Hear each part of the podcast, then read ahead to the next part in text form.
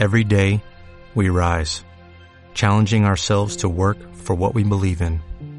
At U.S. Border Patrol, protecting our borders is more than a job, it's a calling. Agents answer the call, working together to keep our country and communities safe.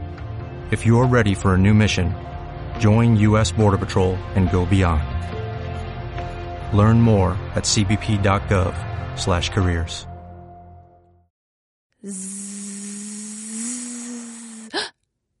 Ràdio ZZ. Hola. Soc jo. Ha arribat el moment de descansar, de tancar els ulls, de dormir. Relaxa't.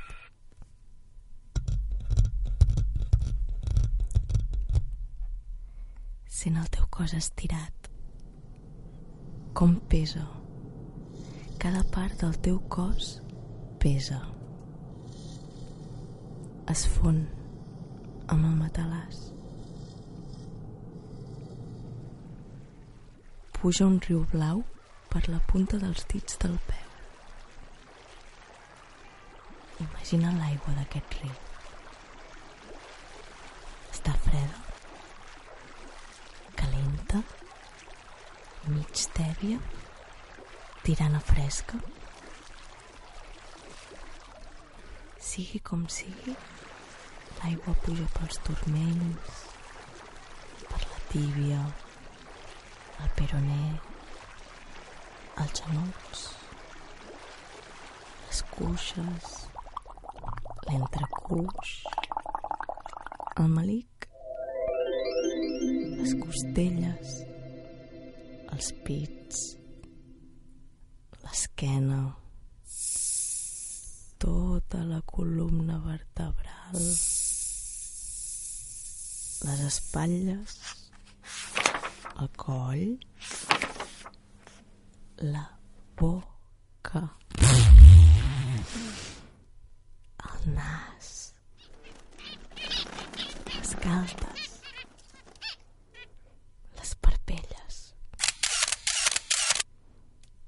sobretot les parpelles,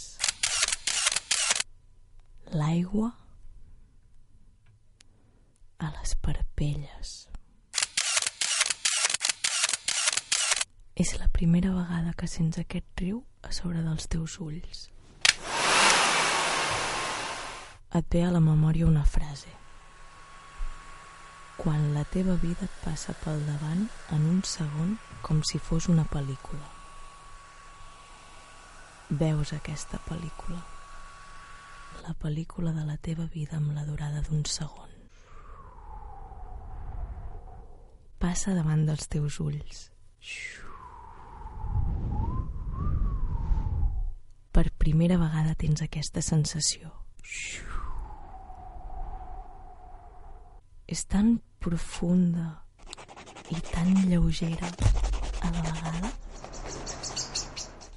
Passa electricitat pel crani, lentament, com si et passessin la mà pels teus cabells. Deixa't endur. Deixa't fondre't amb el matalàs a baix i l'univers a dalt. Dormir és meravellós. Dormir és un somni. Un somni fet realitat.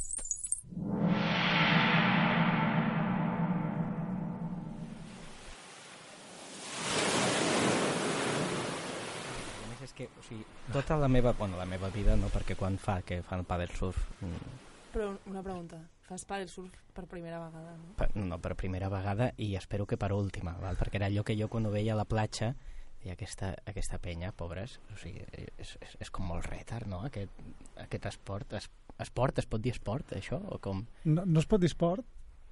No sé per què, però no es pot dir esport, no ho puc justificar. Però m'interessa una cosa, que és que vols fer una cosa per primera vegada, Bueno, el de voler... però, però perquè sigui l'última vegada? Sí, crec que sí, però i, i si m'agrada? O sigui, el més preocupant és i si m'agrada?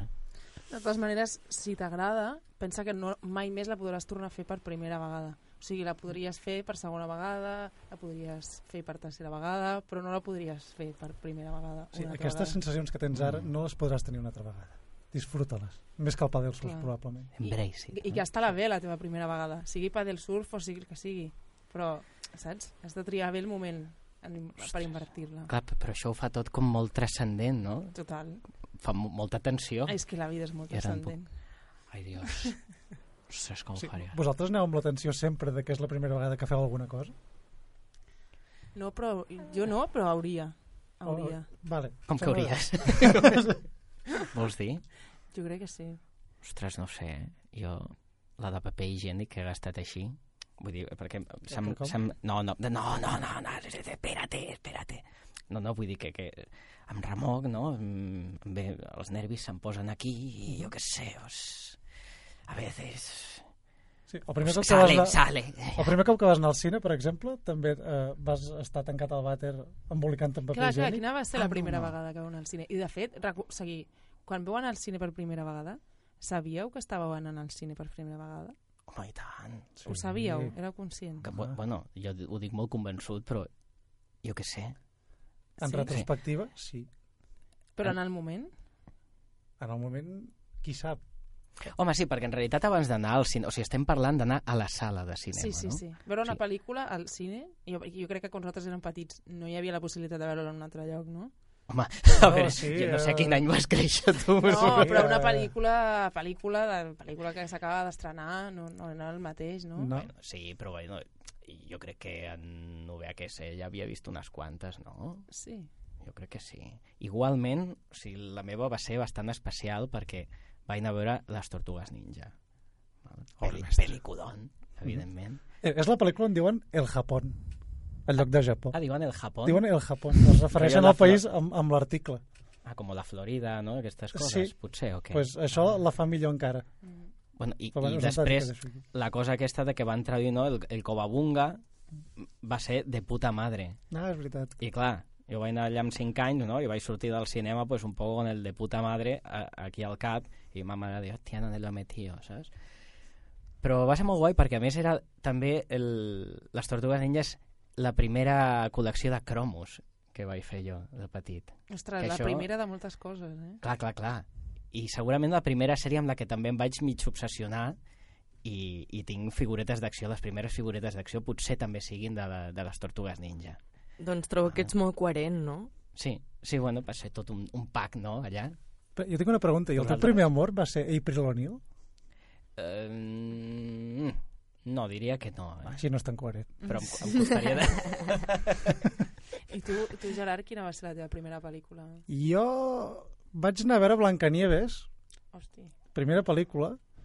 Passa que no havia nascut quan es va estrenar, ¿vale? Menos mal. Era una reposició. Suposo. Però clar, com, com que no tinc massa record d'aquella època, potser sí que vaig anar a l'estrena.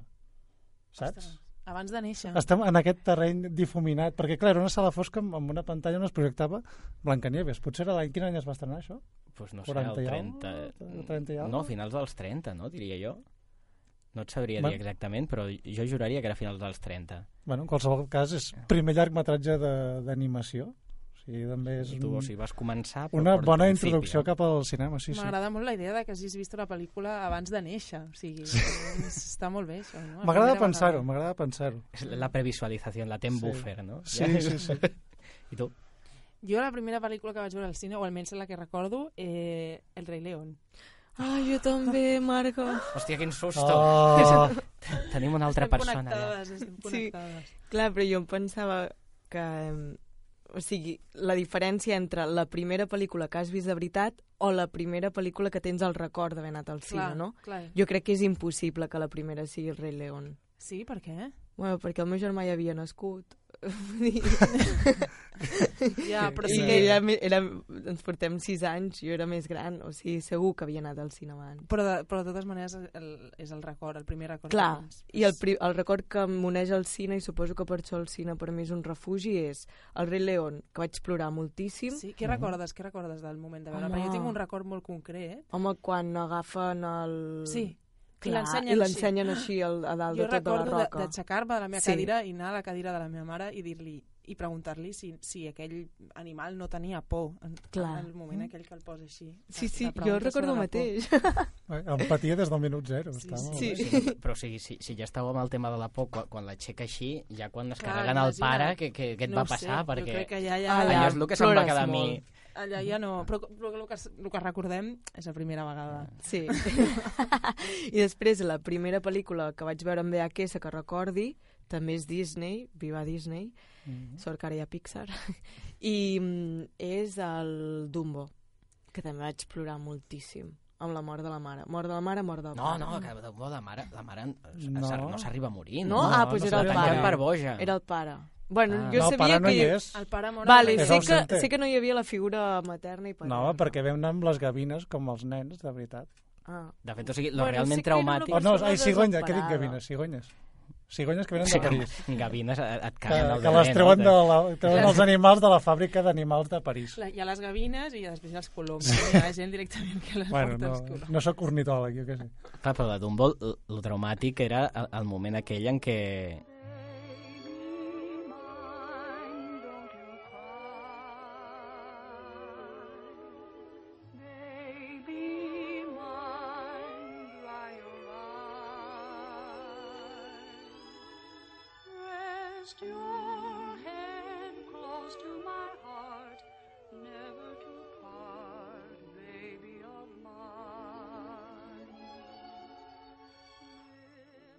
convençut que n'hi deu haver moltíssimes.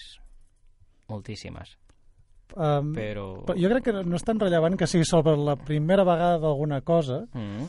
sinó que una mica associat al que hem anat dient, que és la primera vegada que t'enfrontes a coses, no? I aquí ja és una de les pel·lícules, doncs, és el que et plantegen. Com també el pa del surf. Sí, com el pa del surf. Està a la mateixa alçada que el cine, és el vuitè art. Clar, aleshores, suposo que anaves, en, per exemple, a pel·lícules que estan centrades en la infantesa, no? Sí, per Poden exemple, Ser que mira, mostren... seguint amb Disney, o en aquest cas amb Pixar, uh, Inside Out, Ai, ai, ai. que és aquesta pel·lícula on Ah, una sí. nena s'enfronta per primera vegada a, a emocions complexes, no? Una mica d'això. Mm. En aquest cas amb, amb la tristesa que està allà tocant els nassos. No, però Sí. està molt bé, perquè a més eh, suposo que aquest, aquesta pel·li està plena, no?, de primeres vegades. Sí, completament. I hi ha una cosa que, que m'agrada molt, que quan vaig veure la pel·lícula em va molestar moltíssim, però llavors pensant-hi vaig pensar, no, és, està bé que sigui així, i és que aquella nena protagonista realment no té cap problema a la seva vida, Mm.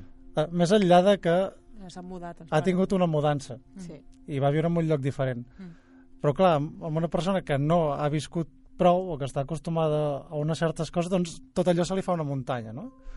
I això et genera unes complexitats emocionals, per això la pel·lícula passa quasi bé tota dintre el seu cap, que, que li generen coses, i entre elles la destrucció de tot el que ell havia set, amb uns ficticis que, que, que s'ensorren, eh, literalment, i aquesta aparició de, de noves emocions o, d'emocions que, que comencen a tenir papers nous. No? Clar, però és que més, o sigui, és qüestió de la propietat, no? Potser, encara que no hagués tingut aquesta mudança, podria portar una vida completament normal i, i igualment passar-li tot això per dins, no? o per qualsevol altra coseta, vull dir que... Bueno, exacte, Jo perquè- crec que va, ve associat ja, no?, a a aquella etapa. Mm. Hmm. Clar, jo és que ara parla, pensant en Inside Out eh, i, i ho relaciono amb el que tu deies abans, Eva, sobre eh, Disney, que evidentment Mm. la majoria de les Mhm. primeres pel·lícules que hem vist eren Disney i em pregunto fins a quin punt la cosa ha millorat una, gaire o no, perquè per exemple d'Inside Out hi ha un- una cosa que es, que es va comentar bastant i que crec que és interessant reflexionar-hi almenys, Mm. com estan representades les emocions Ah, La de gènere, tristesa- no? Sí, totalment Ja, jo també m'hi vaig fixar. que, Mm. que la, la tristesa és una, una nena, perquè al final estan, les emocions són, Estan personificades. personificades i Mm. és una nena baixeta i gorda. Mm. I amb ulleres? Eh, I amb ulleres, sí, és lletja, vaja. Sí, o sigui, sí, sí. No? És, sí, bueno, intenten fer, és, és l'estereotip de la lletja i en canvi l'alegria és primeta i, i És la campanilla. És una Sí, versió és veritat. És com extendida de la campanilla. campanilla. Sí. Bueno, no, i aquestes associacions no, no són banals ni gratuïtes. Clar, però a la vegada fixa't el missatge final de la pel·lícula, en què precisament posa en valor la tristesa. O sigui, si, si allò es quedés així de simple, podria dir-te, ostres, doncs sí, no? Però al final el que t'està dient és que la tristesa té tant de valor com l'alegria. O sigui que hem Sí. d'acceptar els gordos i lletjos perquè formen part. No, no és que haguem, no és que haguem d'acceptar... No. No, perdona, No. estic, estic, estic, estic fent una mica de broma. No, però precisament si tu tenies aquest tipus de visió, que no tens per què tenir-lo, perquè tu pots veure allò i que... No sé, la veritat és que jo quan, quan la vaig veure no em, va, Mm. no em va entrar per aquí o no sé, no hi vaig reflexionar suficient o tal. Però si tens aquest eh, tipus de prejudici, no? d'alguna manera t'ajuda a trencar-lo també. Mirant-ho pel costat, diguem, més, més optimista, eh? Sí, no, no, sé. discrepo, però sí, sí, està bé. el, el, el, el que passa amb aquest tema jo crec que hem de tirar molt més enllà perquè això són cànons associats a, a narratives ja de, de contes Mm. Que quan parles de que la princesa és guapa, la bruixa és lletja Mm. si al final mm, ancestralment tam- a, a, això s'associa a, a una lletjor no necessàriament física és, És un- energètica. exacte o, o associada a uns certs valors o a certes accions Mm. al final això es tradueix en que es creen uns, canons, uns canons i unes imatges que aquí a Inside Out podien no reproduir-les però ho fan igualment Vull dir, Sí. simplement fent-la un personatge de color blau Sí. ja s'entenia però sí que el fet de que li doni aquesta, aquesta estètica de noia grassa amb ulleres i baixeta Bueno, i les, i les eh, emocions... doncs reforça aquest missatge les emocions que representa Inside Out tenen gènere també, no? Perquè Mm. Sí, sí, ha la, la ràbia és masculina, molt masculina Mm. i això, vull dir, evidentment, tampoc és, tampoc és gratuït, no? Eh, És en, és en tots els caps que apareixen, perquè recordo... Uh, Sí, tots els caps tenen la mateixa representació. Sí, la- d'entrada és la mateixa perquè varia des de, dels nens als Mm, adults, sí. varia, clar, conforme... La gràcia és que en, el, en els nens no, estan barrejats, ha alguns sentiments que el- els representen com a home i altres que els representen com a home, Mm. i després sembla que quan fan el pas, quan, quan veus els pares, Els per pares, exemple, Sí. ell, tots els seus sentiments tenen perfil masculí, Masculí, i els d'ella perfil Tot femení, com si d'alguna sí. manera no, en, aquest, en aquesta etapa de passar de- d'infant a, a adult no, s'acabés de definir no, el, el, el gènere o el que, el que sent cadascú. No? sí. Llavors per això preguntava si en, si en els nens eh, tam també hi havia aquesta distribució de la ira masculina, el, la por Jo- jo masculina, que no? l'alegria i la tristesa En femenina. el cas de la nena protagonista és així, no? no sé, Sí, sí, no, clar, sí. però per això dic, sí. clar, o sigui, a l'hora de representar el món, la pel·lícula, si, si això es trasllada a tots els personatges, o és aquell cas que t'ha tocat a tu, que és el de la nena aquesta, igual que podrien haver agafat un altre protagonista. No ho Ah, sé. Perquè això seria interessant també Sí. de veure-ho, no? Sí. Sí, també no, per veure si, si és algo que destaquin o, o, o que tingui una importància més enllà... Sí, no sé, jo, jo, jo crec que també... O sigui, ara es- estàvem parlant de coses molt concretes, de com està representada la tristesa, l'alegria i tal, però que en el fons és una cosa de narrativa general que proposa Pixar i Disney, que és un tipus molt determinat de narrativa i que al final bueno, construeix una forma en la que, com a nens i nenes petits, no? aprenem a, explicar històries i a, i a escoltar I, històries. i quan a més a més Disney i Pixar es caracteritzen per, per no haver creat una mitologia nova sinó per recollir-les Sí, i reinterpretar-les d'una altra manera i a més a més Pixar en concret um, Inside Out és l'enèsima vegada que fa exactament la mateixa pel·lícula perquè Mm. totes les pel·lícules de Pixar van exactament de lo mateix, que és un personatge protagonista que per les seves condicions Mm. Inicials no pot arribar a ser el que vol arribar a ser, com la rata que vol cuinar o el robot que aspira a ser més humà que els humans, eh, etc etc. I totes les pel·lícules s'aplica exactament el mateix. I, i al final és, és aquesta història que és universal, que és uh, un enfrontament a un repte, i que per les teves condicions doncs, hi has de lluitar. I per això crec que a mi- a mi personalment no m'ha molestat mai que això es construeixi a partir de cànons però sí que és un tema que ara que la societat està canviant doncs a veure si aquests cànons també poden canviar-se en el cinema mainstream però crec que serà més un reflex de quan eh, en futures generacions els infants s'hagin ja educat d'una manera diferent perquè els seus pares són diferents i això es reflexarà llavors al cinema però no crec que sigui el, el cinema menys d'una gran corporació la que vagi a canviar això igualment, anant amb el, amb el tema aquest, no? de, de, de l'estructura que té la pel·lícula, a més, eh, és curiós perquè Pixar, eh, al, almenys, no sé si us passa a vosaltres, però les darreres pel·lícules a mi no em funcionen totes igual de bé. I Inside Out diria que és la darrera pel·li de Pixar que a mi em va encantar, realment. Mm. O sigui, per exemple, hi ha altres... Eh, per dir-te Coco, que li va agradar a tothom molt, a mi no em va, no em va arribar especialment, precisament per aquesta sensació d'estar veient una mica el, repetit altres coses que ja havien explicat diverses vegades. Eh, i potser la sensació de que, de que estaven seguint una fórmula molt predeterminada. No? I amb aquesta, del revés, per alguna raó, em- m'arriba molt i a més crec que està plena de, de moments i, i de gags i, i detalls mm, Bueno, I el reflex de, de com funciona la ment, Clar, té aquest Clar, al·licient, no? clar. Que potser la manera com està Sí. tot adornat... no? Sigui, quan veus totes les diferents illes que són com les Mm. diferents àrees de la vida que té qualsevol persona. Bueno, i, No que i, sigui i, i, i que records que la formen part de, família. de Exacte. la seva personalitat. Sí, Que de fet eh, fan servir un terme, no sé si diuen temples de, de personalitat o no sé què, però té un nom allò, territoris de no sé què, sí. No me'n recordo jo d'això. però eh, recuerdos que és allò el que es va ensorrant a poc a poc quan... Esenciales, quan entres. recuerdos esenciales, pot ser? Pot ser, una cosa així. Algo així. Aquest és el concepte, almenys. Clar, Però i que- després se'n construeixen de nous, no? Ah, exacte. Sí. Ah. I, que, I a la tristesa no li deixen tocar. Perquè es desmunta, no? Clar. Quan ella ho Ah. toca... Sí. Sí. A mi m'agrada molt el moment aquell en què hi ha un dels records que és superpesat, que és una cançoneta d'un anunci. o Ah, sí. Ah, sí. I li enxufen de, pa- cosa de que pasta no- de dents. Sí. I jo sóc molt fan del moment en el que estan ja en la, tota l'aventura, no?, per allà pels territoris Sí. aquests i es fiquen en la sala del pensament abstracte. Ah, sí, sí. I sí. comencen a perdre dimensions. Sí, I i es tornen així, rotllo cubistes. Per, perquè és aquí on hi ha la, la riquesa visual i el fet de que passi en un espai mental, per dir-ho Mm. així, doncs també li fa que tinguin aquesta creativitat o aquest marge per jugar amb, amb codis de, del llenguatge, no? Que Sí. una pel·li que fos volgudament més realista doncs ja no, ja no, ja no hi entrarien, potser. joc, sí. Clar, jo que sé, o, de, o xorrades, no?, d'aquestes com, com la fàbrica aquella de fer, de fer xicots, que té, que està com, que està com fixat amb un noi, no sé si és algú de, de la classe o algun cantant o alguna així, no?, lo, lo típic, com i, i no paren de sortir còpies no, Ah, de, del mateix, com una Sí, obsessió. veritat. I es van acumulant les còpies de, del Mm. mateix, no? I ens em va fer molta gràcia. I, i està plena, no?, de... Bueno, De perquè, detalls. bueno, aquest és, és, és aquest primer amor superinnocent, no? També que és com una Mm. etapa més de... Sí, sí, no? I, bueno, i de la de, de, de, de forrar carpetes, no? També. Eh, Pues. I és molt de graciós, perquè a més la pel·li la van dirigir entre dos i, i crec que és una fórmula que han seguit potser a Pixar més d'un cop i és que eh, hi havia el Pete Doctor que havia fet el Up i Monstruos S.A. i el van acompanyar d'un tal Ronaldo del Carmen que no havia fet cap pel·li Mhm. encara i, bueno, de fet encara no té cap més. Mm. Però vull dir que també hi va haver allà una primera vegada, eh, a darrere, a l'hora de fer la mateixa Amb pel·li. calçador, eh? Sí, ai, toma! Tema! Pels. Mayúscules. Que, que ben lligat, que ben lligat. aceptamos pulpo. Que, que, ben, que ben lligat. Està, Que dura molt que ets. Està molt bé.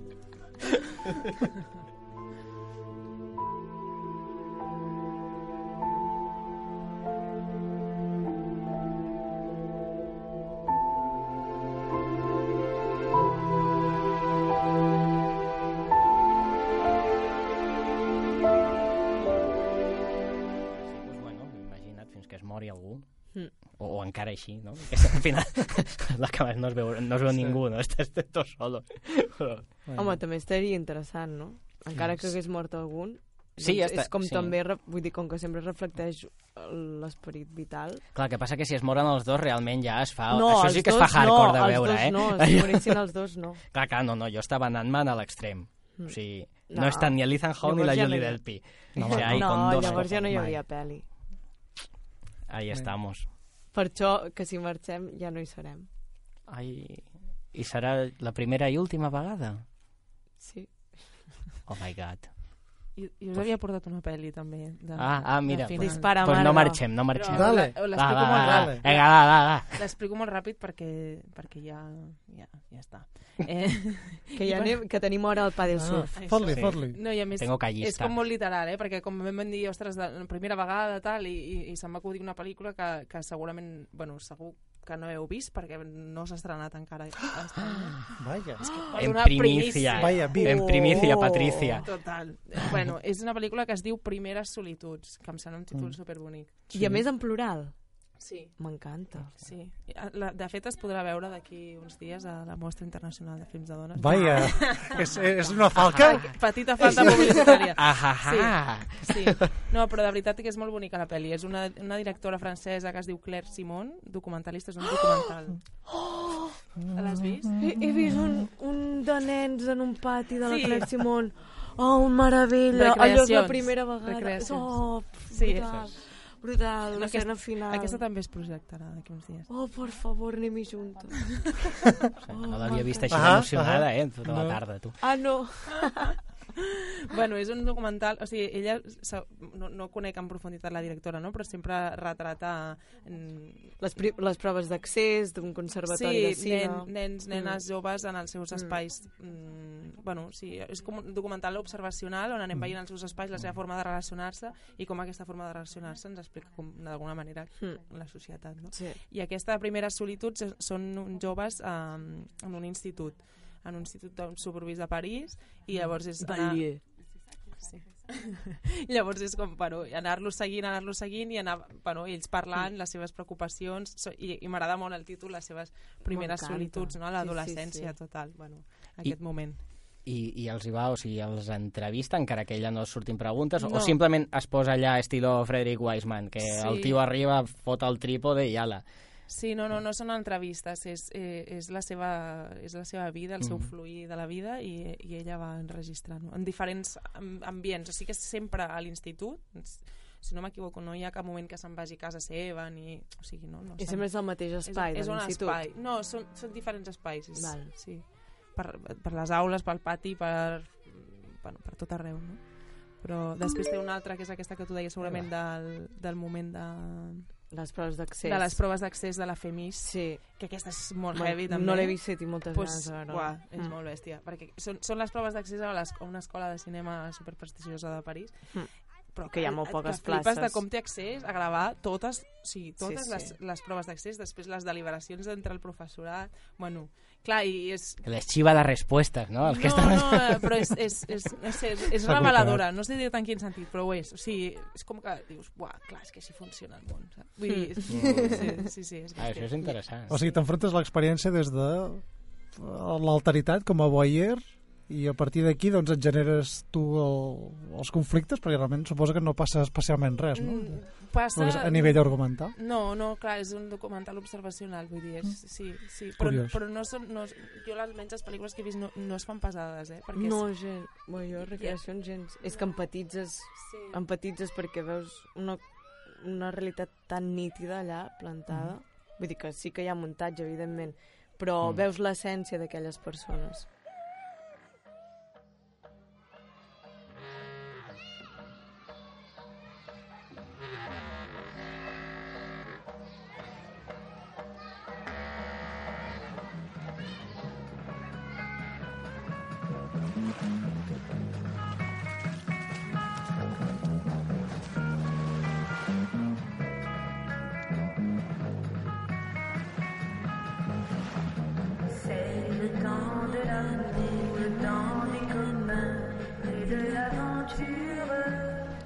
Moonrise, Moonrise Kingdom. Yes!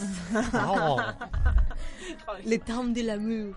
Sí, sí, això. Allò, allò és un primer les- petó, no? És preciós, Sí. aquella escena I- a la platja, sí. per i, favor. i primera semirelació sexual Uep. Bueno, li diu toca amb els pits. Sí. Bueno, Bueno, sí. sí, però, Seu, Fes-me de un petó amb llengua, ara... Bueno, sí. sí, o sigui, eh, Sí, sí, I de, i, de fet està, contacte. I de fet està implícita, però no està implícita, perquè a més a més hi ha com una, com una discussió posterior de fins a quina base han arribat aquells dos a dintre la tenda, Mm. i, i, i em fa molta gràcia que, que vagi associat tot aquest, que, diguem, aquesta evolució tan ràpida d'una relació amorosa des del primer coneixement que, que es veuen que és, una trobada cara a cara en un teatre, en aquest cas, eh, vista des de la distància. Sí. Després hi ha un intercanvi de correspondència durant un cert temps i a partir d'aquí ja fan un viatge junts i, i s'escapen dels seus pares i, i, i després tenen la, la primera relació i s'acaba. A little electronic metronome sets the time. First, a harp. Quina edat tenen? Uh, 11 anys. 11 anys i la de Sí. Inside Out? Ai, Perquè ja veig- 12, i, 12 anys i Bueno. Inside Out 11 anys. Té la nena. o sigui, la mateixa edat per escapar-se de casa són Sí. pares, eh? Això- I, ja, perquè la de Inside Out també escapar de casa. Sí, Sí. Do, Sí. 12 anys, avui en dia es considera adolescència ja? Ostres. Sí. Per, per, perquè jo era un nen amb 12 anys, Total, no sé, jo no sé si ara és jo, jo adolescència. també, jo Sí. també. Jo m'hagués Vale. pogut anar a veure les Tortugues Ninja cop i no... Per primera vegada. Sí. Per, exacte, i hauria sortit igual d'emocionat. saps? A 12 anys, eh, quan començaves a dir, ei, però, ei, però la Nil", dius, eh, O Allà, és- exacte, matisos, no? Matisos. en roca massissa? en cranc, ah, és, eh, fílies ja rares, no? Sí, sí, estem super fora, no? Jo ara mateix no, no puc aportar res. No, to, no, les Tortugues Ninja... Jo igual, hermana. Doncs mira, jo què sé, fem un dia la primera vegada les Tortugues Ninja. Aquí. Vinga. En fi, Però, però, eh, no, però, però és, és interessant la, la construcció que dèiem de, de Moonrise Kingdom sobre el primer amor, eh, perquè sobretot en el cinema americà està com molt, mo- és un espai mitificat, no? un moment mitificat. I com que Wes Anderson treballa molt a través del seu estil, Mm. doncs que allà hi posa tots el, els ingredients de, de lo que és la història d'amor, no? Des de la relació de cadascun amb els seus pares, un que és orfe, una Mm. relació Sí, finiquitada, sí. diguem, i, i l'altra la nena que odia els seus pares eh, mortalment, que alhora també tenen un, un comportament certament infantil, no? I a partir d'aquí doncs, també incorpora això, la, la part de, del viatge a la fugida, fins i tot la, la recerca d'un tresor, que t'explica el ferero aquell que hi ha com un, un tresor d'una tribu de, antiga o no sé què, i diguem que hi ha com aquesta recerca de la transcendència, no? que és d'aquest cinema més fa fantasiós, que, que també està molt lligat a la fantasia de, de l'amor en aquest cas. a veure, um, amb aquesta pel·li em passa, o sigui, m'ho vaig passar molt bé mirant-la, que és una cosa que no em succeeix amb la següent que va fer, amb el Gran Hotel de Budapest, que no sé per què a mi aquella pel·li, que també li va encantar a tothom, a mi no m'acabava de... I no sé si és potser perquè eh, pre- precisament no, que aquest enfoc que té visual que recorda tant doncs, a un conte no? Mm. tota la Com simetria stop bueno, motion, no? També seria. Sí. Vull dir que no, Mm. no pel moviment, però, però és com a, que és com molt teatral, saps? Sí, és, És com personatge que va amb una màscara, canvia cap a mirar la màscara amb l'altre personatge, estic canviant també de micro. No? Vull dir que sí que tota la composició sí, és com algo molt artificiós. Sí, i és, és molt quadriculada i, Mm. i juga molt amb, amb la representació, que, Mm. que, que, que no és gens realista, però bueno, Gens. li posa una màscara d'un animal i en aquell, en aquell moment els nens són animals, no? És, Mm. Que és una cosa que passa en teatre, en cinema no passa, però Wes Mm. Anderson juga amb això. Sí. I, El, mm, el que passa que en aquesta crec que encara es pren quan li cal no, alguna llicència. O sigui, el Gran Hotel Budapest, en certa manera, és encara més coherent amb si mateix o, o, o més rígid, si vols, perquè utilitza això, només un tipus de plànol, només un tipus de moviment de càmera, només un tipus de, de composició. Amb un Rise Kingdom sí que segueix les seves regles, però de quan en quan fa alguna digressió por ahí, no? I jo crec que això, acompanyat a que la manera que té no, de plantejar visualment la pel·lícula eh, et recorda un conte mm, d'alguna manera em connecta amb aquesta cosa innocent, no? precisament d'infància, de, de primera vegada, que, que fa que m'enganxi més amb, amb Moonrise Kingdom no? que en altres pel·lícules que, que ha fet.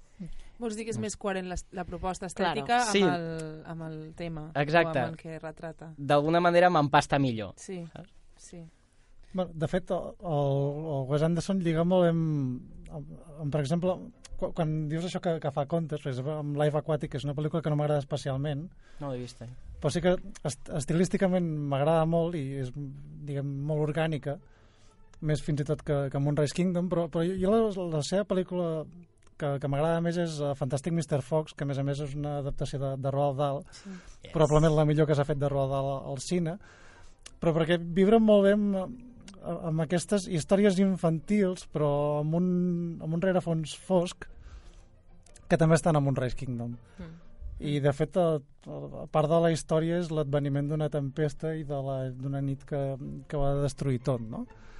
I, i, la, i la pel·lícula et porta cap allà, que és que cap a una mena de- d'explosió emocional de molts personatges alhora, amb un clímax allà a l'es- a l'església, i tot el recorregut que fa, i a més a més anar-te agafant diferents personatges, encara que el centre sigui aquesta història d'amor entre, entre dos nens, eh, doncs eh, fa que, que funcioni molt i que vibri més amb, amb aquest sentiment doncs, més primigeni o més infantil amb el qual tots ens podem identificar més que no una cosa com el Gran Hotel Budapest, que a mi m'agrada molt però ja és un exercici d'estil molt més uh, hardcore, no? per dir la paraula Mm. fina. Esa era la que jo buscava. Sí, saps? la, la, la, la paraula, la paraula inte- intel·lectual perdó, és hardcore. Amb J. Hardcore. Amb Sí, J, sí, per favor. Eh? Pues a mi el que em passa amb aquest estil és que el trobo super potent, hardcore, com... Sempre, hardcore sempre. Sí. però, però em cansa. M'adorm. De fet, eh, em vaig a dormir al cine eh, veient el Gran Vaja. Hotel Budapest. A mi em passa amb el Gran Hotel i amb aquesta no Veus? sé per què no. Amb I amb aquesta- Moonrise Kingdom, quan ja he vist l'escena de la platja, Ja està. Ja està, està dic. desconnecto. Tu li poses els crèdits allà, no? Però l'has Sí. vista més d'una vegada? Sí. I, I què passa amb la, amb la segona vegada?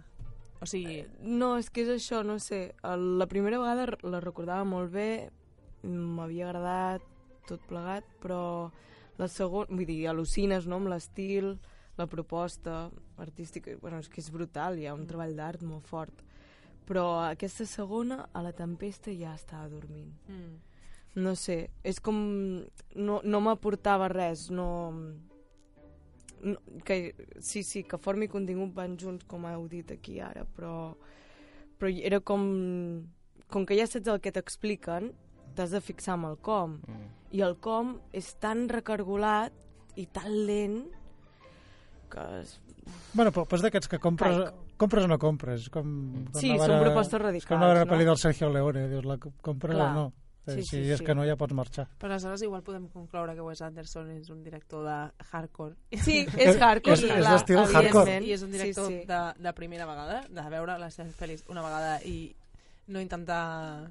Trencar la virginitat. Que també està bé, eh? No sé, eh? Podria, sí, ser, clar. podria Sí. ser que hi hagués directors d'Ostres, les seves pel·lícules s'han de repetir Mm. i d'altres que no. I no No, passa sé, res. és eh? delicat, és Mm. delicat. No, clar, per- això Jo, ja jo sí les veuria és més vegades, subjectiu. però clar, Mm. sí, sí, Clar. això és una cosa ja personal de, de La cadascú. em percepció, sembla. bueno, mira, ella li ha servit per recordar fins a la, Exacte. la escena de la platja i després més una migdiada.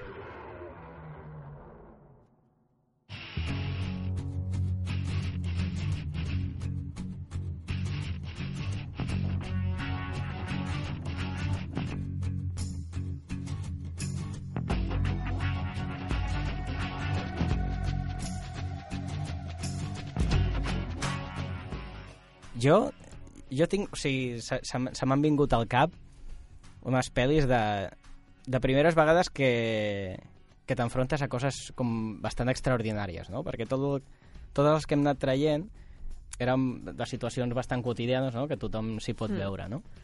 Però, però, per exemple, hi ha una pel·li que m'agrada moltíssim, o a la primera, quan la vaig veure, perquè no l'he tornat a veure, em va agradar moltíssim, que era de la primera vegada que, que vas a la guerra Mhm. Que Mhm. toca fusta, segurament els d'aquí no, no haurem d'anar, espero. No, bueno, Però... Eh... Som joves encara. depèn. Ai, quita, quita. Bueno, pues la qüestió és que em va agradar molt Jarhead, que no sé si l'heu vista, Era del Sam Mendes? No. del Sam Mendes. Mendes. Sí, el Sam Mendes, que va començar amb American Beauty, que també seria una Mhm. pel·li com per mirar, bueno, de primeres vegades d'algo, però bueno... I... Aquest home va fer el debut amb aquella pel·li, no? Va triomfar moltíssim. Eh, després va fer Camino a la perdició, tothom, ah, Sam Mendes, jolín, que, que buen és este tio, no? Però la tercera que va fer va ser aquesta, Jarhead, i no conec gaire gent que l'hagi vista. Ens estaves posant a prova? Es... Vinga, sí. No l'he vista. No l'hem vist. Ah, No, no l'he vist. Bastet, no? Pues bueno, va Però joves... Fins aquí. Eh, pues ja, Ja està. Ah, ja ho dejo. Doncs és d'uns d'uns 20 anyeros no? que, que es van a la Guerra del Golf. O sigui, és la primera vegada que entren en principi en combat, no? que van estan a l'exèrcit però no, no han sortit en principi de- d'Estats Units i els envien allà, no? I, i és una mica expectatives versus realitat, no? Perquè, clar, van tots amb la idea de que allà pues, serà entrada en l'acció immediata, no? Bueno, hi ha qui ho porta millor, pitjor, no? Els que ho viuen amb excitació, els que potser pues, els hi entra el canguelo, com és normal. Eh, I després arriben allà i es troben pues, que bàsicament es passen molt de temps sense fer res. Perquè, bueno, estan en el campament, doncs, Mm. esperant ordres, esperant que passi alguna que no se sap ben bé què ha de passar, no? O sigui, és, no, era, no és la idea que d'entrada tindries no, de quan, De de, quan vas a la guerra. guerra. Mm. Exacte.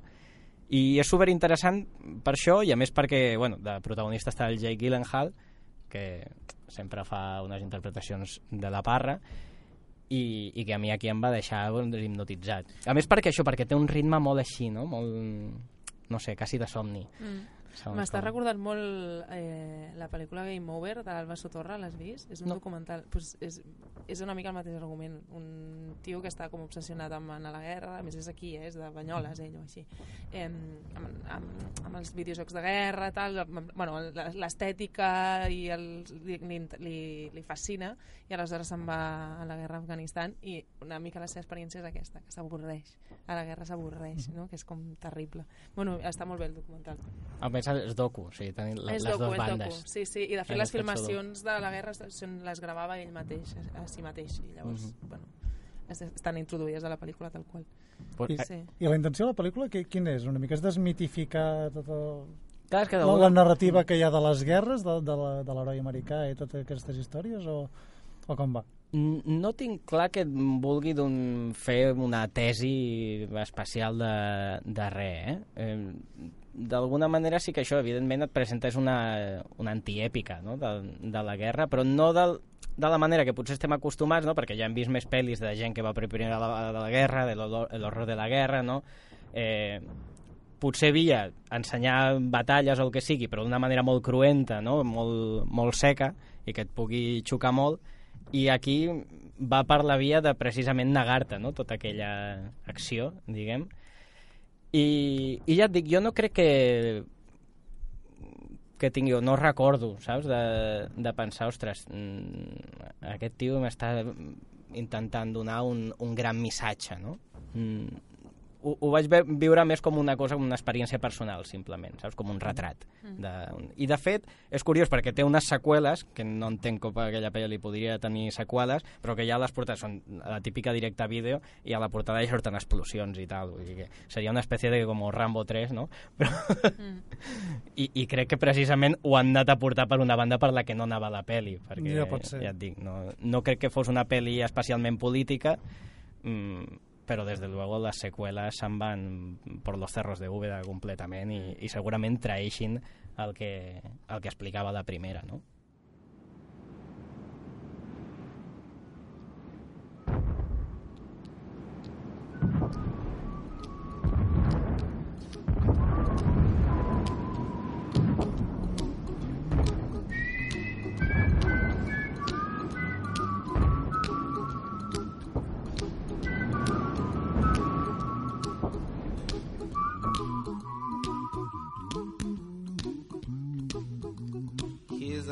Song I wrote. You might want to sing it note for note. Don't worry. Be happy. In every life we have some trouble. But when you worry, you make it. Sí, i és una primera mort propera, no? Bueno, de fet no és una primera, no? És una segona. Clar, perquè el, el pare no, no aconseguia recordar se'l menciona en, alguna, en Jo algun crec moment? que no. O sigui, no se sap si És que- està identificat, si està viu, si està mort, no, no, no ho sabem. És que igual també és de les gràcies de, la- de la pel·lícula, no? Que no s'expliciten les coses. Estan totes... No, o no sigui, recordo, o sigui, No, però tu- jo, els tu donat, vas- jo els donat tots per morts, directament. Sí, o, o sigui, que està mort segur, però no, no s'especifica quan ni No. com. Jo el podia donar per desaparegut, el pare, també. No sé. Sí?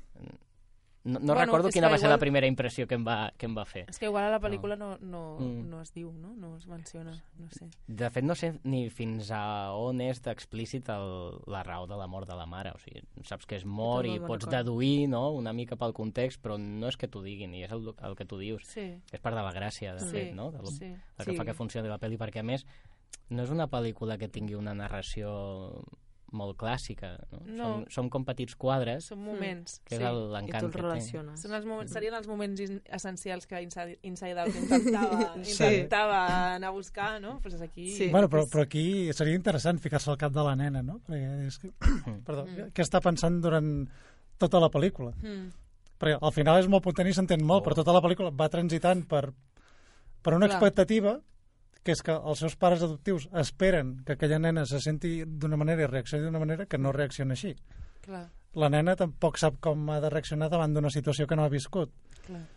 I tota la pel·lícula estàs això amb una expectativa fins al punt que dius, bueno, no, no sé exactament de què va això, em té enganxat, eh, sento empatia però no sé què esperar-ne, no? Mm. Fins, fins que al final hi ha aquest final trencador que es posen a plorar tots i dius, ai, gràcies a Déu, perquè... Sí, però bueno, alhora també té a veure amb aquesta... O sigui, jo crec que justament retrata molt bé la, la, el, no ser tan literal, el no sé Mhm. com em passa això, a conseqüència em poso a plorar, no? I això al final, bueno, si ho relaciones amb la teva experiència personal, acostuma a passar així. No sé si, Sí. Ara pensant en la primera mort, no? Pues intentava pensar quina, era la, quina és la primera mort que propera, eh? Vull dir, òbviament, que, que he experimentat i me n'adono que el que passa és que, no sé si us ha passat, però que en el moment no, no ets capaç de, de donar-te'n, o sigui, de, de fer-te cons conseqüent amb, amb què significa allò. I és algo que passa molt de temps, i al cap de molt de temps hi ha un moment, hi ha un dia que, no sé, jo recordo amb la meva àvia em va passar així, no? que vas pel carrer i de cop la cara d'alguna persona random que et creues et sembla veure la teva àvia i en aquell moment, ha passat dos anys, te n'adones que no hi és i que no hi serà mai més. I, però en el moment inicial, no, què vol dir que s'ha mort? És que no ho sé, és que no... Bueno, que ja no hi és, no? És Bueno, clar, però no què vol dir això? Què, què representa això, no? Clar, és la primera Sí. vegada. Això, sento. això m'ho va dir l'altre dia una persona. Diu, de fet, els humans no sabem com reaccionar ni davant del sexe, de la mort i de la caca. Jo crec que resumeix bastant bé. Bueno, Home, sí. El que has dit tu, Marc, de la teva Resum- resumeixo. Jo provisionalment, Sí. per la caca, tiro de la cadena. Ja sí. Provisionalment. Sí, llavors, provisional. però llavors la vas a buscar, si, si et sap greu. Pues algún día me de que le estaba haciendo mal. ¿eh? No, però- M'agrada això. Sí. No, I tornant, tornant al tema aquest de, del plor, que al final sembla que hagi de ser el, el final, i de fet a la pel·lícula és el final, o sigui, jo em pregunto, dic, per què tenim aquest, aquesta expectativa de que s'hagi de plorar? Mm. Per què ho tenim tan integrat culturalment i emocionalment que la resposta de davant d'una mort, en un moment o altre, sigui plorar? Mm. Per què no pot ser una altra cosa? O quina altra cosa podria ser? Bueno, simplement perquè el plor és una vàlvula d'escapament, no? O sigui, simplement... ha d'altres. simplement sí, El clar. pa del surf és una vàlvula d'escapament. La ràdio. Però, però és la part més De fet, interna, la raó no? per la que faig pa del Sí. surf eh, és... Se m'ha mort el gos. És quan raja la ferida, no? Quan has Mm. arribat ja has anat traient mol, moltes capes de dins teu i ja et toques el cor. Ja no hi ha màscares socials, no? És la que està més fonda i que tothom la té. Però és supercultural també, no? Perquè Total. en relació, o sigui, Total. relacionar la mort o el ritual de la mort Sí. amb una tristesa explícita és, depèn de quina cultura eh, no es fa, o es, o es fa molt més exagerat o es, no, no sé, les bueno, típiques- sí, o es, Però es fa una sí celebració, no? una Sí, no sé si Era. Bali, no sé on vaig veure fotos, no, a Bali, alguna illa d'aquestes, que fotien una festa que Sí, del cagar, sí. eh, quan es moria algú. Clar, és que per això no, no, no sóc experta, no tinc ni idea, però sí que hi ha molts, moltes, bueno, molts llocs que culturalment es fa molt diferent. El ritual, eh? Jo parlo del Sí, ritual bueno, de... de, de fet, que, bueno, a, a Coco, abans que mencionàvem Coco de, de Mm. Pixar, Mm. Sí, a Mèxic hi ha, hi ha aquest ritual constant, eh, és, és infinit, perquè bàsicament has mort, tu fas l'homenatge a la persona que s'ha mort, però cada any la vas a visitar, no?, d'alguna manera. Mm. Per tant, no acaba de marxar mai. Per tant, és una manera molt diferent d'assimilar la mort, que és una presència constant que està allà, Sí. que és la teva família, tu tens el teu tòtem a casa. Mm. A, a, Japó, a Japó també ho fan, de, de posar aquests Mm. temples a casa i anar-los Sí. adorant i mantenir aquest, aquest diàleg amb, amb un esperit que materialment no està allà, no? Vull dir que Mm. és, és com una frontera molt diferent i per això, o sigui, no sé si hi ha un equivalent estiu 1993 a, a Mèxic, Japó, un altre país que, que, que ho celebrin d'aquesta manera que hi hagi aquest enfrontament amb, amb la mort tan, tan diferent. És una pregunta que deixo a l'aire perquè se m'acaba d'acudir ara Però, mateix i no ho però he jo buscat. crec que té a veure amb... Bueno, que estem a Occident, que és Catalunya, vull dir, ell és molt honest amb la seva proposta, i, i que la mort és un tabú i que plorar també és un tabú, Mhm. saps? I llavors, per fi, aquesta nena es, es permet el, el, de treure's a, aquesta màscara, no? Mm. I de, I de tenir un plor catàrtic. Que a més a més és quan ha d'anar a classe, que s'acaba l'estiu i ha d'anar a classe. Mm. Ah, sí? això és, no és, em sembla que és la tornada a la vida normal. Clar, que seria la rutina, no?, on tu integraries... Que és on, on es On rebenta allà. entraria, clar. Mm. Eh, Però a més és graciós perquè en realitat és, és algo que, que, que ho porta ja, no? Aquesta, aquest fre interno que pugui tenir a l'hora de deixar-ho anar. Eh, A la pel·li tampoc hi ha cap moment que sembli que s'expliciti, no? Que tingui cap mm, pressió, que... O sigui... Eh, tampoc veus que hi hagi cap fre extern que ella potser ho deixi anar i tal, perquè a més precisament està amb una gent que és molt oberta, que la tracta molt bé, no? que d'alguna manera doncs, la- l'abraça contínuament, però tot i així ella porta dins això, no? I, no, I no i li treu. costa de, Mm. de bueno, treure-ho. o ho treu amb, Mm. amb ràbia, no? Ràbia mm. cap a la germana petita, o quan està ell, me'n recordo, allà jugant amb el, la nova gent del poble i, i diu, bueno, saps que la meva mare s'ha mort? Mm. Li diu a una nena, Sí. no? És com ganes de visibilitzar-se, dir, ei, estic aquí. Sí. No, ho va traient de Mm. diferents maneres, però jo crec que la- l'espurna més essencial és al final, quan per fi connecta amb, amb Sí. la seva tristesa. Bueno, perquè Per suposo això que- és tan important i Inside Out està com... Bueno, perquè ho va intentant, no? És com, com vaig traient això, com, Mm. com visc amb això. No? Ah, tinc curiositat per saber si, si devien estar escrites les escenes realment en aquest, en aquest ordre o no. no? Hauria de, de mirar la pel·li un altre cop per veure si aconsegueixo veure un fil molt clar. Ja no seria, Perquè ja ha no un- seria igual, ho saps, no? Probablement ja seria no. la primera vegada que hauries Clar, la pel·lícula. clar, clar. Però bueno, sí. I no t'agradaria? Clar, la, No, jo crec que, que aquesta sí que l'he vista dues vegades i ja et dic que aguanta una segona vegada. Sí, no, Sí. i tant. Sí, sí. Però és això, i és tens- que és supervital. I tens la sensació que realment estigués o sigui, estigués ja pensada perquè anés tot en l'ordre en el que està, perquè com és també una mica lliure, no?, de la, Sí. a nivell de forma, hi ha vegades que dius, potser hi, havia, hi hauria eh, escenes que podrien anar posades diferents, no?, perquè tampoc és que hi hagi una Mm. progressió superclara, no?, Clar, el emocional. tema del guió no ho sé. Jo sé Mm. que sí que en la part entre el rodatge i el muntatge sí que hi van haver molts canvis. De fet, va haver un moment que es pensaven que no tenien pel·lícula Mm. i fins que va agafar-la una altra muntadora i llavors li van donar com una altra, no? Això Sí, ho sí, sí. Parlat. I això sí que sé que es van canviar coses a la part de muntatge, però en la- l'ordre de les seqüències no ho sé. No ho sé si, si va bé així. Bueno, realment pu- puc entendre aquest muntador que, que va dir que no tenien pel·lícula perquè realment no hi ha una història. Has de ser, has de ser una mica inepte Ja, a l'hora de, de valorar el calat emocional d'aquella història amb el material que tens, però realment no hi ha un, un recorregut clar. Vull dir, això és una... això és lo bonic, no? Exacte, Clar. és transitar per allà i d'allà has de treure una, una història que, que tingui un cert ritme i tal. Mm. Però bueno, vull dir, si no ets un muntador massa bo, pues, pot passar. Vull dir, jo sento empatia per aquest home. O no, tens, o no tenir sensibilitat per aquest tipus de Bueno, poètica, no? Efectivament. Clar, hi ha molts tipus de... Clar, hi ha molts pel·lícules, tipus de molts tipus pel·lícules. muntanya.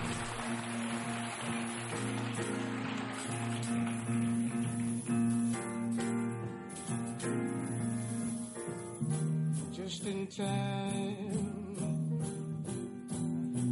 You found me just in time. Before you came, my time was running low. I was lost. The losing dice were tossed. My bridges all were crossed.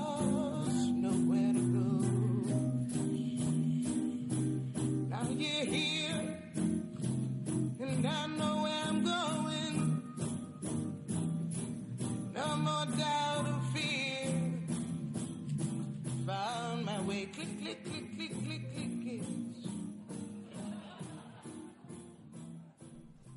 passa? No, que, que, que volies dir alguna cosa, no? No, que Té sempre cara, eh, de monitori. té cara de dir No, que el que has Sí. dit tu, Gerard, és...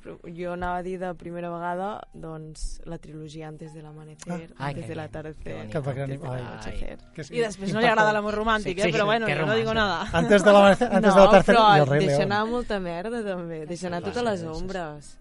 També. Però és romàntic a la vegada. Clar. És romàntic. Sí. Veus el que jo deia Molt. al final del vida Que de vaig llegir que això és una història que li havia passat a Linklater. Uh, a la primera pel·li, a la segona o a la tercera? perquè van 9 anys de Ah, cadascuna ara en no recordo Mentre, bé. mentre feia Boyhood, Clar, i la- l'altre és Boyhood, perquè Boyhood és un homenatge a la primera vegada. Ah, sí, ah, sí, a veure, desenvolupa això. Home, clar, perquè reflecteix totes les primeres mm, etapes vitals, no?, d'un nen, i, i després, com que és el mateix actor, pues l'anem gravant per primera vegada, perquè creix. Té molta coherència Todo de i primera vez, todos. Todo. és meravellós. Fins que el vuitè any de la rodatge la germana del Linklater diu no vull sortir més a la pel·li. I pues nada. Déjame en I això, i després ja... Que és la filla, no? Sí. La Riera, que també ho graven tot per primera vegada Riera. perquè no assagen, i llavors també podem portar... No. Parlem de la Riera. Parlem, No barregem. ja, no, ja no és la Riera, ara es diu diferent. Peres amb pomes. Com es diu? La... Bueno, és igual. Bueno, però, a, a veure, les de antes de, que a mi m'agraden molt, aquestes. No, doncs... Ah, però el de l'anècdota aquella que deia del Linklater és que um, uh, es veu que el- va conèixer una noia en un tren i, i llavors es van quedar al cap d'uns anys i em sembla que ella no va poder acudir o sí que va acudir i, i després la va convidar a veure la peli Mm? i es veu que havia mort Oh. d'un accident. O sigui, hi ha una cosa tràgica. Mm. Es va morir per primera Bueno, vegada. eh, bueno, tenim un amor impossible de Richard Linklater. No? Sí. Joder, quin drama. Bueno, i, i qui no li agrada aquesta trilogia, no?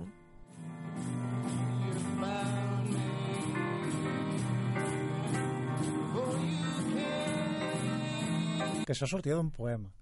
Ah, sí? Ai, ho Ai, diuen sí. a la pel·li, però és que també em vaig avorrir. Vaja. Se segona vegada, també, no? Sí, la primera també em bé? vaig dormir una No, mica. no aguanta, I la tampoc. primera vegada em va agradar molt d'adolescent. I ara l'he tornat a veure i no. No aguanta una segona vegada? Ja com a post-adolescent, no. Bueno, no una pel·li jo crec que ha caducat vegada. malament en el temps. Mm. A mi sí que m'ha m'ha agradat en la segona vegada. Mm. Mm, Però també t'he de dir que és una, és una pel·li que quasi m'arriba més mm, a nivell cerebral, diguem, que no Clar, pas emocional. És que és, és, és el contrari d'estiu 1993, per mi. Bueno, perquè Sí. sí. tornem, tornem a estar en el territori d'estil Connecto. hardcore. Perquè Clar, o estil hardcore. o hardcore, estàs out. Totes sí, són sí. d'estil Jo, hardcore. jo sí. m'estic començant a liar amb l'estil hardcore. Què, què, què, què, O sigui- què vol dir? O sigui, el, bueno, el propi estil de, de, del Michel Gondry, que, que és aquest fet de, de rodar amb molts moviments de càmera sense talls, que, que bueno, crea tot aquest espai escenogràfic que bàsicament et fa transicions pues, apagant llums, eh, movent una mica la càmera, o, sigui, o, o fent aquests eh, talls invisibles que fan que la pel·lícula sigui molt vistosa i també que el situen Molt efectista. Sí. Sí, però o vistosa. efectista. Bueno, clar, i aquí de, de l'efectista a l'efectivo, pues ja, clar, és una mica Clar, cadascú... clar. Sí, també, com És el contrari d'estiu.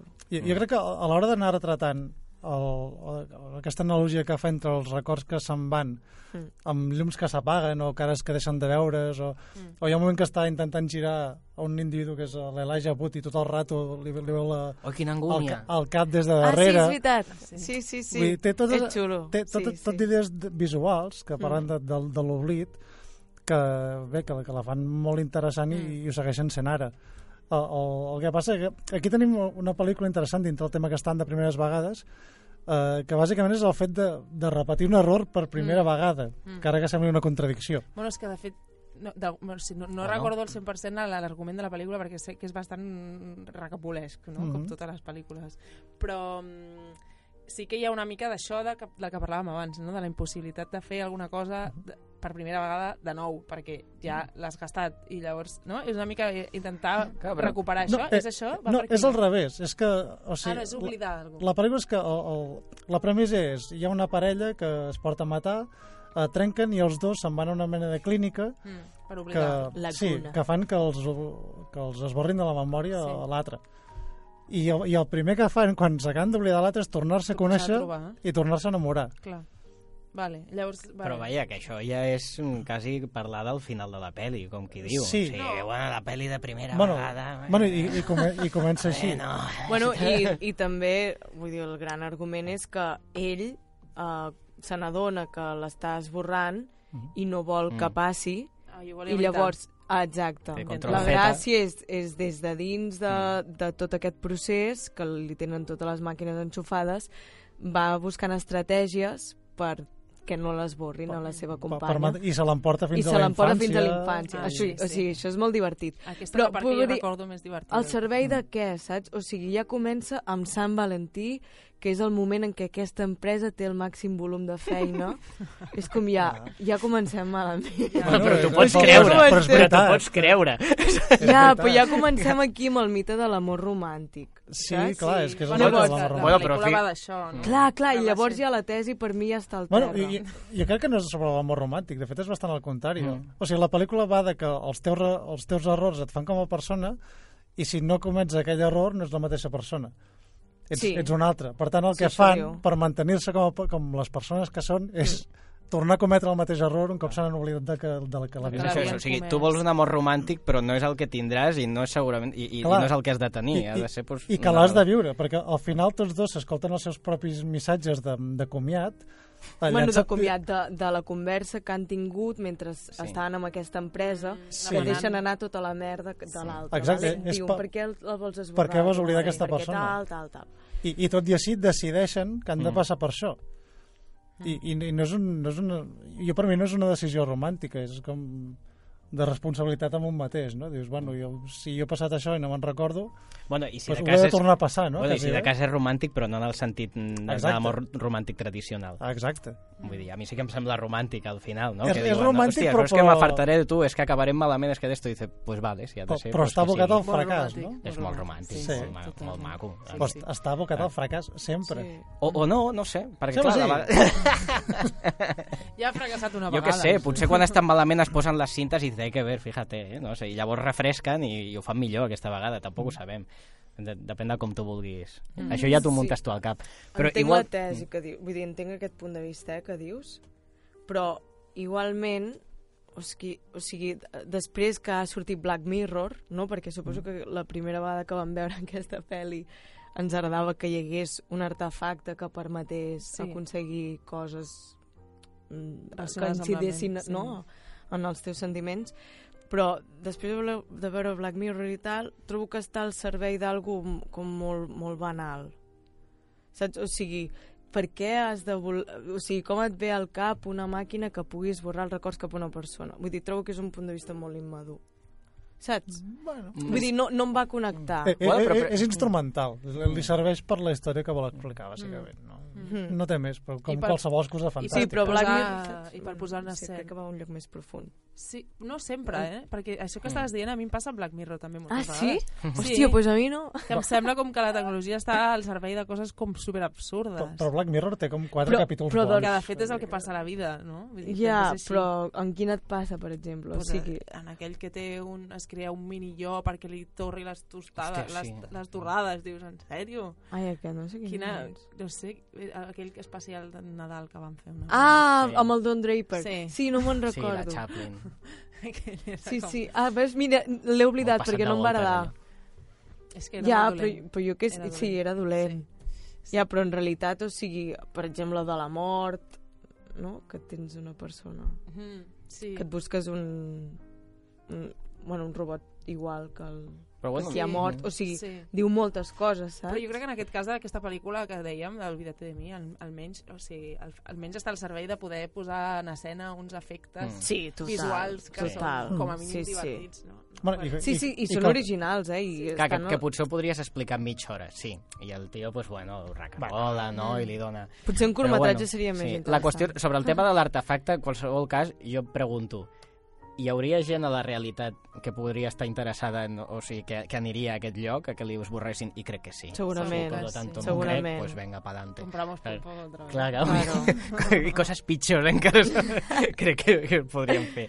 Sí. Llavors, pues, bueno, sí, a, a mi sí que m'entra, no?, per aquí, perquè ja Mm. dic, sempre fa, faia aquesta reflexió, no? Bueno, traumes de guerra, Mm. no? És que clar, el cinema... Sí, no, però però i Clar, fins i però tot això coses és més molt- banals. Però no és el mateix punt de partida. Bueno, però el concepte és el mateix. Clar, el trauma de guerra és molt diferent Sí, que, però, però que de al... conèixer algú i mira, i no ha anat bé, Però ja és el, està. és el mateix Però és punt que de crec que partida, també- no és el mateix punt de partida, però és el mateix punt d'arribada. Segurament és millor Clar. integrar-ho, perquè si ho oblides, allò... Sí, això sigui, sí. no? Bueno, i estem en Bueno, les és això, mateixes. potser no t'interessa la història en aquest cas, però bueno, el concepte és el que és, dir, està bé. Sí, Qualsevol sí, que- sí. Jo, jo crec que igualment això seria, o sigui, Olvídate de mi és la pel·lícula de dues persones que no van veure Inside Out. Clar. I llavors no han assimilat el missatge que et donava Inside Out i ho aprenen a Olvídate de mi. Teniu, teniu alguna altra proposta de pel·lícula sobre primeres vegades? Hmm. Jo crec que sí. no, a mi no em mireu. Sí. No? No? No et miro? No, no. No. Si ets l'ime de ben No, que me, potes. que me ah. pongo roja. No. Jo, jo, no, jo no tinc més pel·lícules. Tinc un tema, però no, no és una pel·lícula exactament. Què és? Uh, jo us volia parlar de uh, primers plans. Ah, amigo. Sí, Has però- portat algo... M'he portat un tema de, de primers plans, està associat a una pel·lícula, eh? Però aquí ho, ho acompanyo d'una reflexió, que és que el, el, tradicionalment el cinema, bueno, tradicionalment no, sempre, eh, ha evolucionat a partir de la tècnica i de la tecnologia. Si no, no es va poder fer cine fins que no hi havia la màquina exacta que, que es permetís gravar i reproduir cinema, i de la mateixa manera que no hi ha hagut avenços tècnics, o avenços artístics, més ben dit, si no hi ha hagut l'avenç tècnica d'abans. I, I per això molts avenços artístics venen de, de la curiositat. O sigui, una cosa normal que al cine, que era plantar càmera, eh, llavors van veure que la, si la movien, doncs tenia un sentit, no? O sigui, per exemple, hi ha aquella, aquell curtmetratge, el Regado Regado, Mm. que és a plano ficció, en moment que els dos personatges surten fora de camp, eh, però clar, o sigui, això no és eh, l'ideal sempre, no? Per tant, s'ha de moure la càmera, s'ha de tenir un utensili per girar la càmera. I eh, passa també amb, el so, per exemple, el Cantor de Jazz, que és la eh, primera pel·lícula amb so, però no era tota la banda sonora sincronitzada, eren només Alguns unes parts en, la, en les que cantaven. Uh, King Kong és la primera pel·lícula amb una banda sonora íntegrament uh, sincronitzada i, i a partir d'aquí doncs, volia fer aquesta distinció de uh, l'avenç uh, tècnic i l'avenç artístic i amb, sobretot amb la intenció que ho ha fet el, el director. Uh, per això ve lo, de, del primer pla que en anglès és close-up que si us hi fixeu ja té aquesta nomenclatura que ve de, del moviment, que és d'apropar-se a una cosa. Eh, no es podia fer per una qüestió de, de lents. Et feia falta una lent eh, que et permetés capturar més llum, no existia fins que no es van inventar. No van poder fer plans més tancats i llavors li de donar un sentit narratiu. Um, així rebuscant, un dels primers que tenen un sentit narratiu és una pel·lícula de, de W. Griffith, no me'n recordo del, del nom. David, no, ahora iba a decir David Ward, pero Sí, David Ward, David sí, Ward, dices, David ¿no? Ward. Va. que és del, del 1912, que es diu Friends, que és la història d'un triangle amorós. Con I- Jennifer Aniston, ¿no? Sí, con Jennifer Aniston i Hugh Grant. Ja, el 1912. La tercera, Kate Winslet. Però, però fixeu-vos bé, hi havia una escena que estan eh, dos del triangle amorós, un home i dona, i eh, hi ha un moment que l'home veu una foto de, de l'amant d'ella.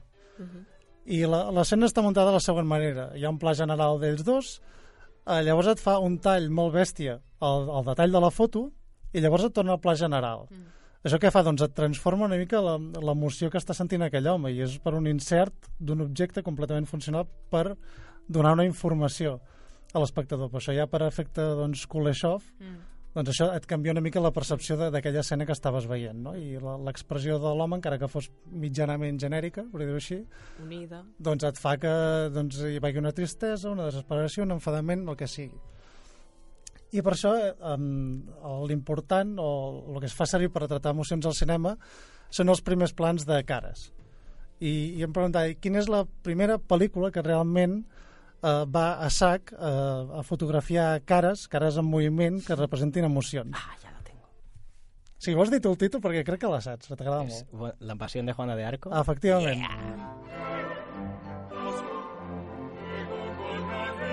Pel·lícula de, de Carl Theodor Dreyer, que a més és una pel·lícula de grandíssim pressupost, que es recreava tot, tot d'escenaris eh, medievals, i ell va decidir, doncs no, anem a retratar eh, cares de, de l'actriu, que no me'n recordo, la tenia apuntada, a René Falconetti, que, que bàsicament tota la pel·lícula són eh, prim, primers eh, plans d'ella, eh, primers plans de, de, dels mossens que la jutgen, eh, primers plans del públic quan eh, veuen el, el seu sacrifici, i, i, i a més a més sobre fons blanc, vull dir que és, que és un joc molt bèstia per una pel·lícula d'època que ha d'anar destinada al gran públic i que a partir d'aquí, amb aquesta intenció completament emocional, a més a més amb una pel·lícula muda, eh, tot i que ja es podia treballar amb el so en aquella època o, o com a mínim es podia Sí, incorporar bueno, els cines en tot cas sí que es o, o tocava s'incorporava banda música. sonora, però aquesta pel·lícula al principi com a mínim es, es va fer sense banda sonora, llavors tocaven Jo l'he vista muda, muda. Exacte, que és com Ai. es veia originalment, no?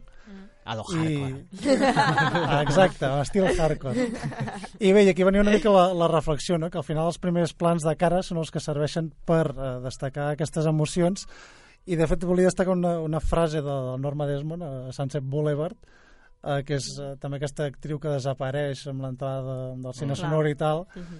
eh, que deia no, no necessitàvem els diàlegs perquè teníem les cares. No? I aquí és una mica on tenim el cine ara, en aquest moment, on hi costa a vegades molt doncs, anar a veure primers plans de cares, tot i que la, eh, la tècnica i tots els efectes visuals doncs, evolucionen moltíssim, però al final hi ha aquestes coses bàsiques doncs, que potser es perden una mica o no es dominen tant.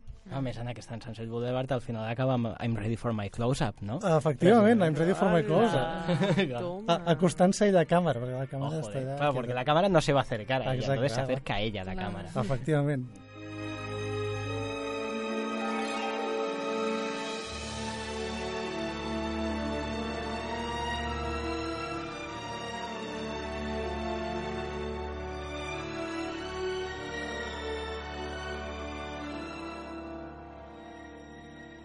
Quasi automàtic, no? Mm. No, és preciós. Pues Us adoneu que no hem parlat d'American Pie? Ah, ah, sí, però... Por favor, no vamos a hablar de la flauta. Va, és que ens hem saltat el sexe per alguna raó que desconec. Perquè no en tenim...